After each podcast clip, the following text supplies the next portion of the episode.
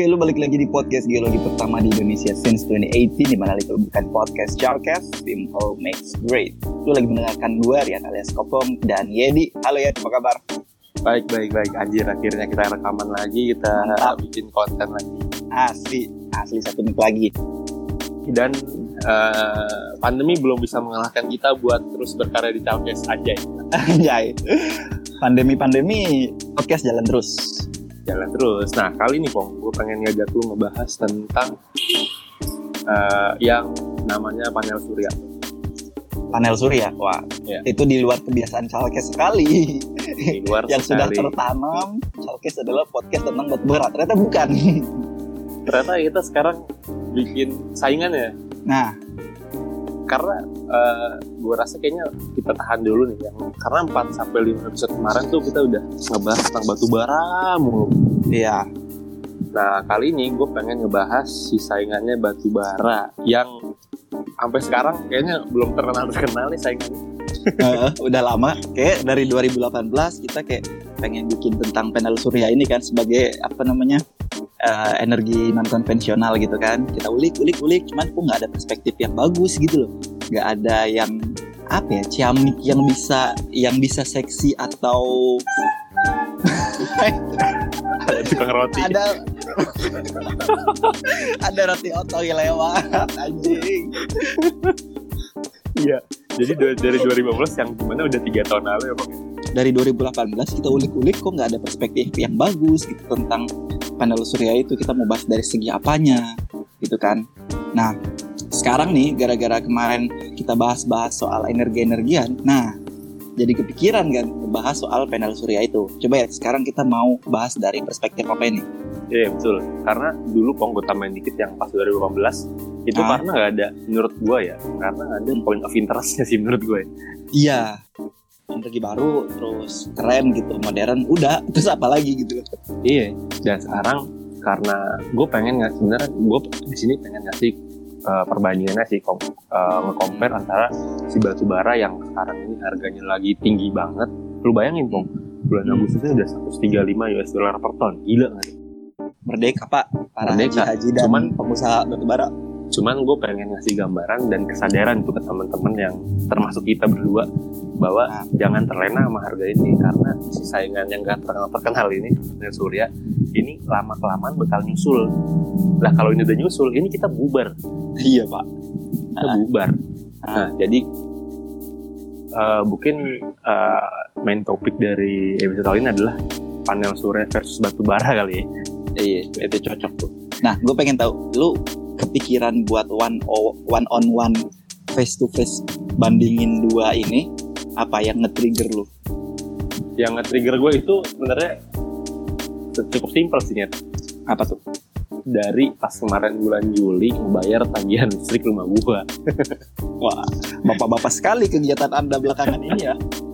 iya. Ya sebenarnya masih rumah sama bapak gua, bukan rumah gua sendiri. Oh, Jadi iya, kayak eh, kan sekarang kayak makin banyak gitu ya makan listrik kayak dari TV, terus dari AC.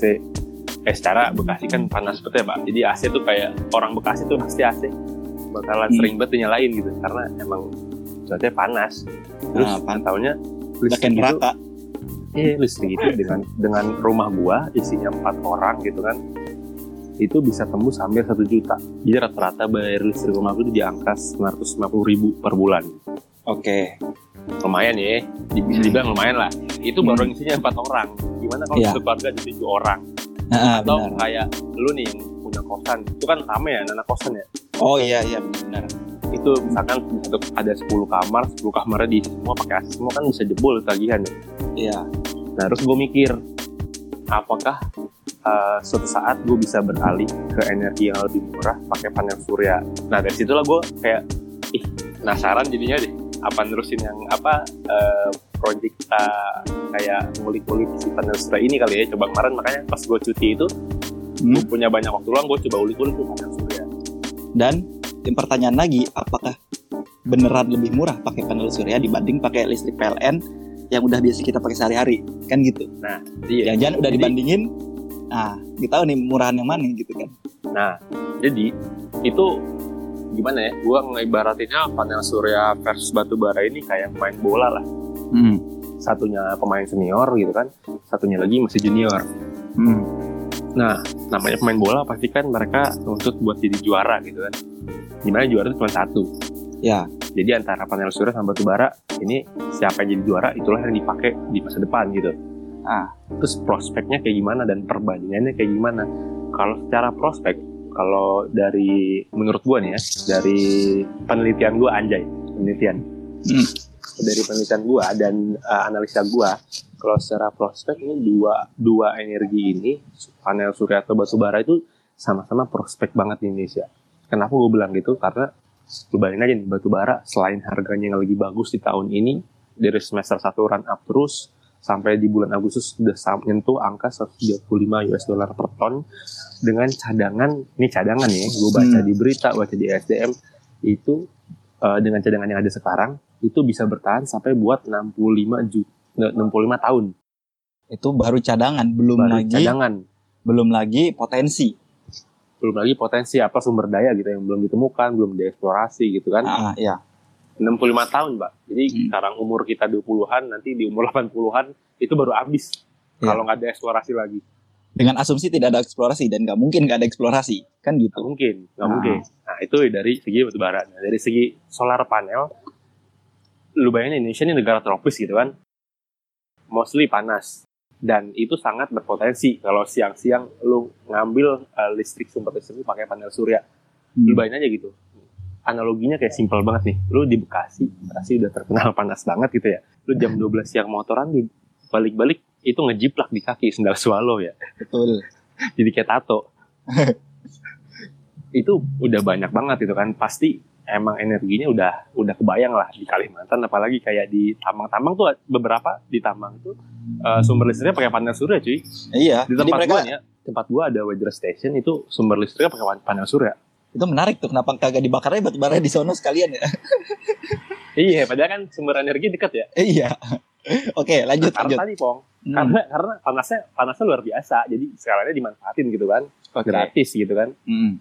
nah terus eh, yang jadi perbedaan juga itu kan kalau segi apa namanya eh, kesamaan ya dan Hmm. potensi Indonesia kalau dari perbedaan jelas salah satu eh, ada beberapa sih yang gua sorotin gitu yang Ah. pertama dari segi metode jelas gitu kan kalau batu bara ya lu masuk eh, masuknya ke PLTU gitu pembangkit listrik tenaga uap kalau panel surya namanya PLTS kan tenaga surya. Terus yang kedua yang ya orang pasti udah banyak tahu lah batu bara itu energi kotor gitu kan dari bahan bakar fosil. Kalau kalau panel surya dari matahari gitu yang yang nggak bakal habis-habis tiap hari ada kecuali kiamat.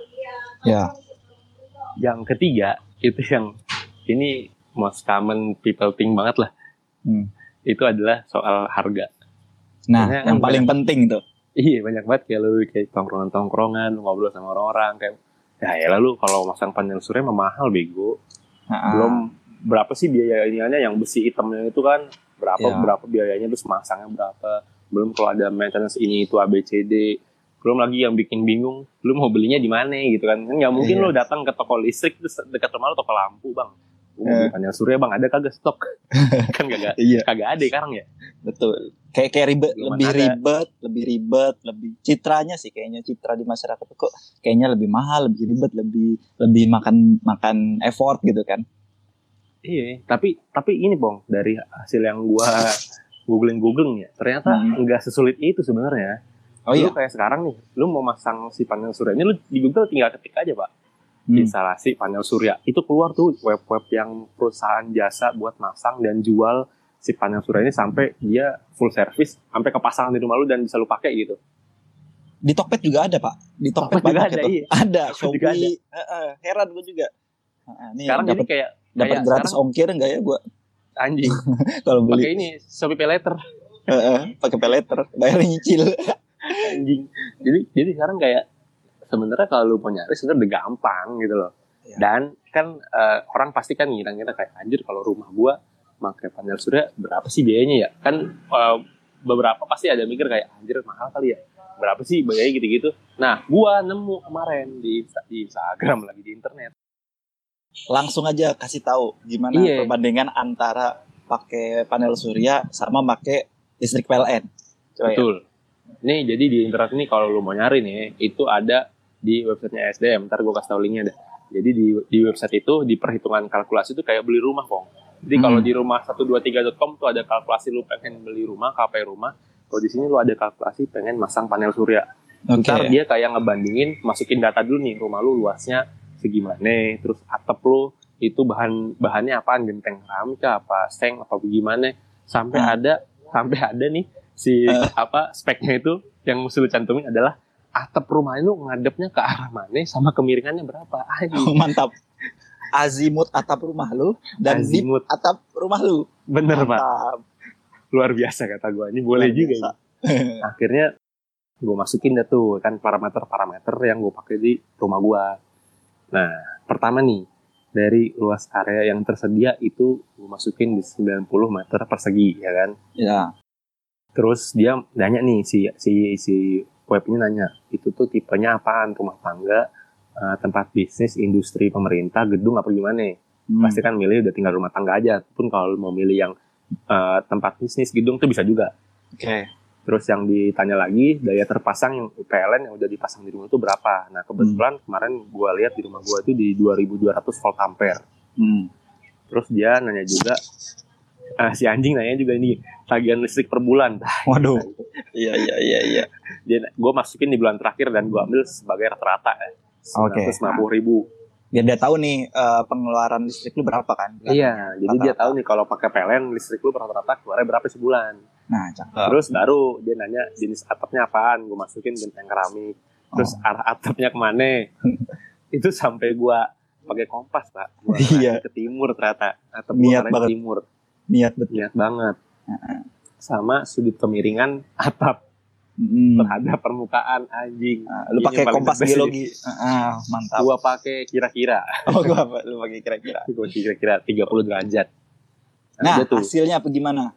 gue submit ya kan gue submit hasil kalkulasinya adalah jadi jumlah unit si panel surya yang bisa dipasang tuh empat keping kan lo yang kayak kotak-kotak itu empat biji lah Oh iya, yang suka Ah. ada di lampu merah tuh buat yang kotak-kotak itu kan? iya iya yang Ah. kotak-kotak itu kayak papan catur Ya. itu cuma empat unit yang dipasang dengan luas uh, rumah gue yang 90 meter persegi nah sama dia juga nyantumin nih infonya ada total Hmm. berat uh, peralatan sistem dari suryanya terus perhitungan-perhitungan alat dan lain-lain kabel-kabelnya itu total berat juga ternyata. Iya. itu 110 kilo buset jadi Berarti Nanti kalau gua- rumah lu harus kokoh kalau ya, gua- nggak bisa iya. sembarangan rumah lu main pasang-pasang panel surya gitu. kagak bisa. Jadi dari rumah gua ketambahan beban dari atas terus 110 kilo. Jadi kalau udah ada rayap gitu kan udah lama kagak direnov kagak dicek-cek itu rumah bisa rubuh atapnya pak. Murah kagak, bangun rumah lagi, yo. iya. Hematnya dikit ruginya banyak udah ceng-cengin dulu lah Terus terus. ceng-cengin dulu kasihan nih, Bercanda mulu. Bercanda mulu, buru. Terus Nah. terus.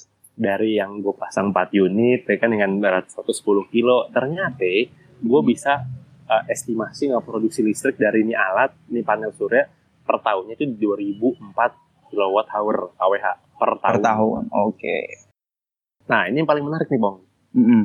Doi, doi nyebut- nyebutnya adalah total biaya investasi. Bisaan banget ya. Bukan total biaya instalasi tapi investasi. Investasi ya. Nah, itu Cakep biar banget. apa namanya mengajak orang gitu kan. Iya. promosi. Ini ini uh, apa aplikasi sangat persuasif ya. Iya. Ya jadi di belakang di belakang suruh ngajak orang ya. Iya. Karena dapat poin. jadi MLM. dapat referral kode ya anjing. Iya. Terus terus. Total biaya kebutuhan kalau gue masang ini PLTS di rumah gue dengan segala perintilan, pemasangan dan lain tuh 23 juta 680 ribu. Banyak juga main dong. Lumayan. Nah, tapi di sini yang menariknya dan yang menjadi point of interest serta bisa menarik perhatian si yang eh, ngitung pakai kalkulasi ini adalah apa coba? Apa tuh? Jadi dia ngeluarin juga angka estimasi penghematan, estimasi pengurangan emisi karbon, sama jumlah pohon yang ditanam, sama penghematan konsumsi BBM. Oh, iya iya iya. Wah, Jadi menarik banget. jadi kayak lu biar nih mahal nih lu pasang nih, cuman lu tuh ber, ber- berkontribusi buat bumi ini gitu loh. Hmm. Ya. Gue sebutin kali ya. Boleh Jadi boleh. dari gue pasang 23 juta 680 ribu itu gue bisa ngehemat tagihan listrik gue per bulannya di 236 ribu Lebih hemat 236 ribu per bulan. per bulan. Oke. Dengan dengan gue pasang si panel surya ini, gue bisa mengurangi emisi karbon itu 30 ribu ton CO2 anjay mantap. Mantap. 30 Udah. ribu Ala-ala pecinta alam banget ya. pencinta lambat gue aja apa SJW. SJW mantap. Terus Terus dengan gue pasang ini jumlah pohon yang gue tanam itu bisa mencapai 6.417 pohon gila. mantap. Dan gue bisa menghemat konsumsi BBM karena gue mengurangi pemakaian uh, sumber batu bara, sumber energi kotor itu bisa sampai 360 ribu liter, lu bayangin tuh banyak banget. Pak. Mm. Jadi kalau gue kalkulasin, gue summary ini dengan tagihan PLN gue per bulan tanpa PLTS yang sekarang uh, existing di rumah gue itu 9, 950 ribu per bulannya.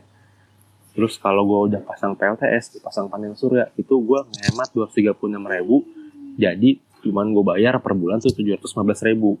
Nah, oke. Sekarang gini, ini kan perhitungan di atas kertas ya. Maksudnya ini proyeksi, proyeksi ke depannya gitu kan. Dari dari perhitungan yang didasarkan oleh eh, rata-rata pengeluaran listrik bulanan lo, biaya pemasangan sebagainya dan sebagainya. Nah, sekarang realistisnya katakanlah besok pagi nih lu udah gua mau pasang panel surya gitu kan ceritanya. Pasang nih jebret. Nah, itu kira-kira realita yang bakal terjadi itu gimana ya? Realita yang nggak ada di hitung-hitungan nih gimana ya? Ya pastinya gue harus nge-spend duit gue 23 juta langsung gitu kan. Oke, Dibilang uh, worth it, uh, sebenarnya kalau lu kalangan yang kalangan atas gitu kan yang memang penghasilan lu 30 juta per bulan mungkin bisa gitu lu pasang ya karena lu bisa nge-spend eh, lebih banyak gitu di penghasilan per bulan. Ya kan? Karena ini cukup gede gitu pokoknya bayar 23,6 juta per bulan dan gua tuh dengan biaya ini gua nggak bisa eh, langsung memutus PLN jadi kenapa tuh? kasarannya gue tetap pakai PLN tapi gue pasang ini juga gue cuma bisa eh, ngurangin pemakaian mungkin di siang hari karena gue pakai panel surya ini kalau malam kan nggak bisa dia nggak ada biaya penyimpan Oh gitu. Jadi- Gua baru baru kopi nih. Jadi iya itu hanya bisa lu pakai buat pengeluaran siang dari pagi sampai sore gitu. Ntar malam Pagi. kagak bisa dipakai. Lu kagak bisa pasang PLN gitu. tetap pasang PLN jadi ketika gue udah nge-spend duit gue 23,6 juta tetap jadi double PLN ya gue pakai yang ini juga gue pakai nah cuman Oke. Mm-mm. ini kan kalau kita dari segi bisnis kan ada hitung-hitungan untung ruginya ya Ya. karena tadi si website ini nyebutinnya eh, itu namanya biaya investasi jadi gue hitung-hitung nih gue ambil dah rata-rata tiap bulan itu gue eh, ngehemat eh, rata-rata di 236 ribu gitu kan Iya. nah berarti gue bisa ngebalikin modal gue yang di 23 juta ini itu kira-kira ya berapa ya 100 bulan 100 bulan. Itu kira-kira 8 setengah tahun ya. 8 setengah tahun dan Hmm. 8 setengah tahun tuh jadi 8 setengah tahun itu baru balik duit gue dengan penghematan listrik PLN gue baru balik tuh 23 juta Iya. Tapi gua kan nggak tahu juga nih sebenarnya. Yang jadi kekurangannya adalah di dalam 8 tahun ini apakah dia ada maintenance berkala, terus apa kita dapat tambahan biaya lagi. Itu kalau Hmm. maintenance. Terus kalau misalkan ada salah satu eh, apa unitnya atau panelnya yang rusak mesti diganti, berarti kan nambah kos lagi. Jadi Ya. hitung-hitungan itu belum termasuk sama perintilan-perintilan yang kayak gitu, Pong. Oke. Jadi mungkin dalam 8 tahun itu bakal bisa lebih karena ada biaya maintenance, biaya penggantian yang rusak. Jadi kemungkinan investasinya bakal lebih panjang kalau kita bahasnya tadi investasi gitu ya.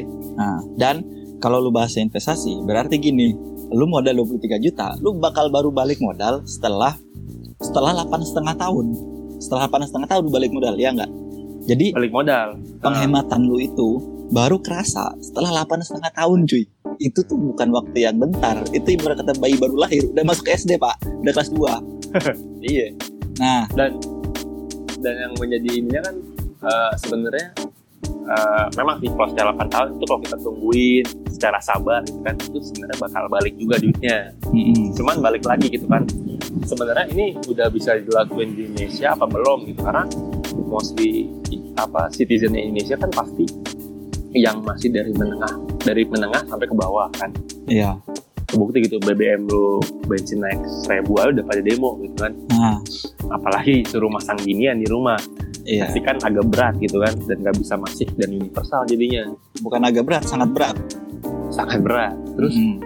pertanyaannya oh ya sama ini btw kalau misalkan lu mau lihat atau lu mau ngitung ini buat dengerin ya kalau lu mau Hmm. ngitung biaya estimasi pemasangan panel surya di rumah lu lu bisa uh, datangin webnya uh, SDM itu webnya itu p3tkebt.sdm.go.id atau kalau misalkan ribet nih lu bisa ketik aja keyword di Google itu e-smart PLTS Atau lu lihat aja deskripsi nanti kita kasih.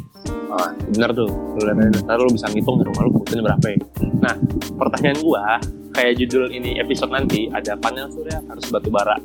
Jadi, dengan 23 juta gua install panel surya, per tahunnya gua bisa ngasilin 2004 kilowatt hour. Kalau gua pakai batu bara, gua bisa nge-spend berapa juta? Pertanyaan itu, Pong. Oke, gimana hasil hitung-hitungan? Jadi, eh gua ada nyari pengetahuan per satu kWh itu batu bara butuhnya berapa ya kan? Hmm. Nah, gue ada kemarin nemu jurnal di, ntar bisa lu cek juga di jurnal teknik energi volume 13 itu ada salah satu papernya atau jurnalnya yang ngebahas tentang eh, ada kita itu butuh batu bara sebanyak 0.3443 kg buat ngasilin 1 kWh. Tapi 0.3 kg ini itu yang eh, garnya bagus yang di sekitar 6 ribuan kalorinya. Oke, itu yang bukan yang blending ya, itu yang gar bagus. Yang ya yang 6 ribuan kalorinya.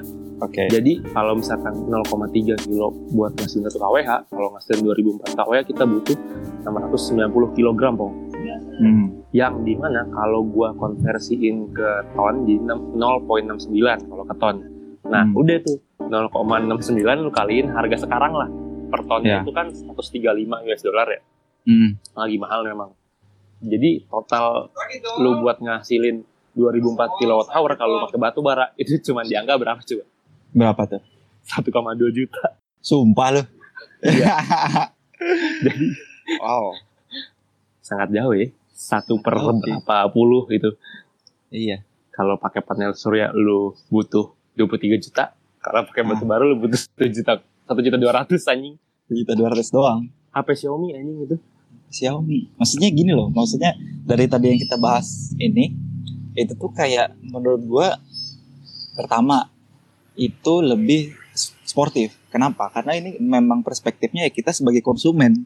Kita nggak Iya. nggak kita membuang istilahnya kerjaan kita kita kerja di industri batu bara kita buang. Kita buang juga fanatisme kita terhadap eh, apa namanya kebutuhan akan lingkungan dan dan yang hijau-hijau itu kita buang. Ini kita cuman orang polos yang pengen listrik kita lebih murah kan gitu. Dan itu kayaknya merepresentasikan kondisi orang-orang Indonesia sebenarnya gitu kan. Bukan bukan gimana ya mostly itu nggak peduli dapat listriknya dari mana. Selagi kebutuhan listrik gue terpenuhi dan bisa gue bayar ya udah gue pakai yang itu ya nggak sih? Nah seperti itu ternyata kita dapat perbandingannya tuh seperti ini. Jadi kalau menurut gue ya untuk di kalangan tertentu terutama yang punya kemampuan finansial yang memang udah baik udah udah kokoh gitu ya ini satu penghematan gitu dan yang istilahnya investasi yang dividennya bakal kebayar setelah 8,5 tahun kan gitu. Ketika lu memilih untuk switching dari PL eh, listrik PLN yang biasa ke tenaga surya tenaga surya yang lu pasang di rumah lu sendiri. Cuman apakah ini semua bakal applicable sama warga Indonesia? Dan ya ini tuh menurut gua kondisi yang sekarang. Artinya kan setahun dua tahun tiga tahun ke depan ini masih bisa berubah banget. Either itu apa namanya listrik PLN-nya jadi lebih murah atau harganya melonjak naik gara-gara bahan bakunya ikutan naik atau si tenaga surya ini bakal lebih murah gitu atau lebih mahal karena ternyata peminatnya makin dikit. Nah jadi ya balik lagi ini tuh hitung hitung hitungan spekulatif gitu lihat balik lagi semua ke yang lagi dengerin ini. Kita cuman bisa kasih perspektif kita dari segi konsumen gitu dan ini kalau mau dibahas tuh banyak banget cuy. Bisa bisa kita bahas kenapa batu bara yang bisa lebih murah bisa kita bahas kenapa orang banyak kagak minat kenapa pemerintah itu nggak ngasih atensinya ke tenaga surya yang mana lebih dalam tanda kutip hemat energi dan ramah lingkungan kan gitu. Nah Ini yang bisa jadi pertanyaan sih. Cuman gua rasa di episode ini kita kayak harus ngasih batasan di perspektif kita dari dari segi konsumsi gitu. Nah, terus sama poin selanjutnya itu Pong, kayak hmm. uh, orang kan sering bilang tuh ya, kalau kenapa sih Indonesia gitu masih banyak banget kita make yang energi kotor gitu kan. Hmm. Coba lihat ke negara-negara Asia lain kayak Jepang, terus negara-negara di Eropa kayak Jerman gitu-gitu kan, udah pada make energi terbarukan. Ya hmm. ini sih, ini kayak ini cercah jawaban yang bisa kita kasih tahu gitu ke lu karena dari segi perbandingan harga pun jauh banget. Lu buat ngasilin 2004 kWh pakai panel surya itu butuh dana 23 juta. Kalau lu pakai batu bara cuma 1,2 juta.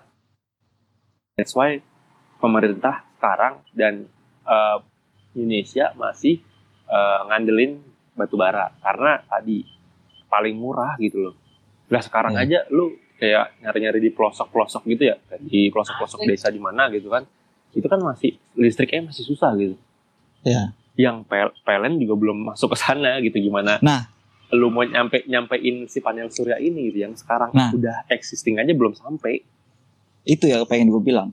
Um, dan mungkin ada beberapa tempat yang masang panel surya ini bakal lebih murah cuy daripada lu pakai listrik PLN kalau mereka iya, belum betul. punya instalasi belum punya sutet belum punya apa eh, instalasi lah instalasi listrik yang memadai ketika lu bikin PLN skala besar di sana mungkin kan lebih mahal.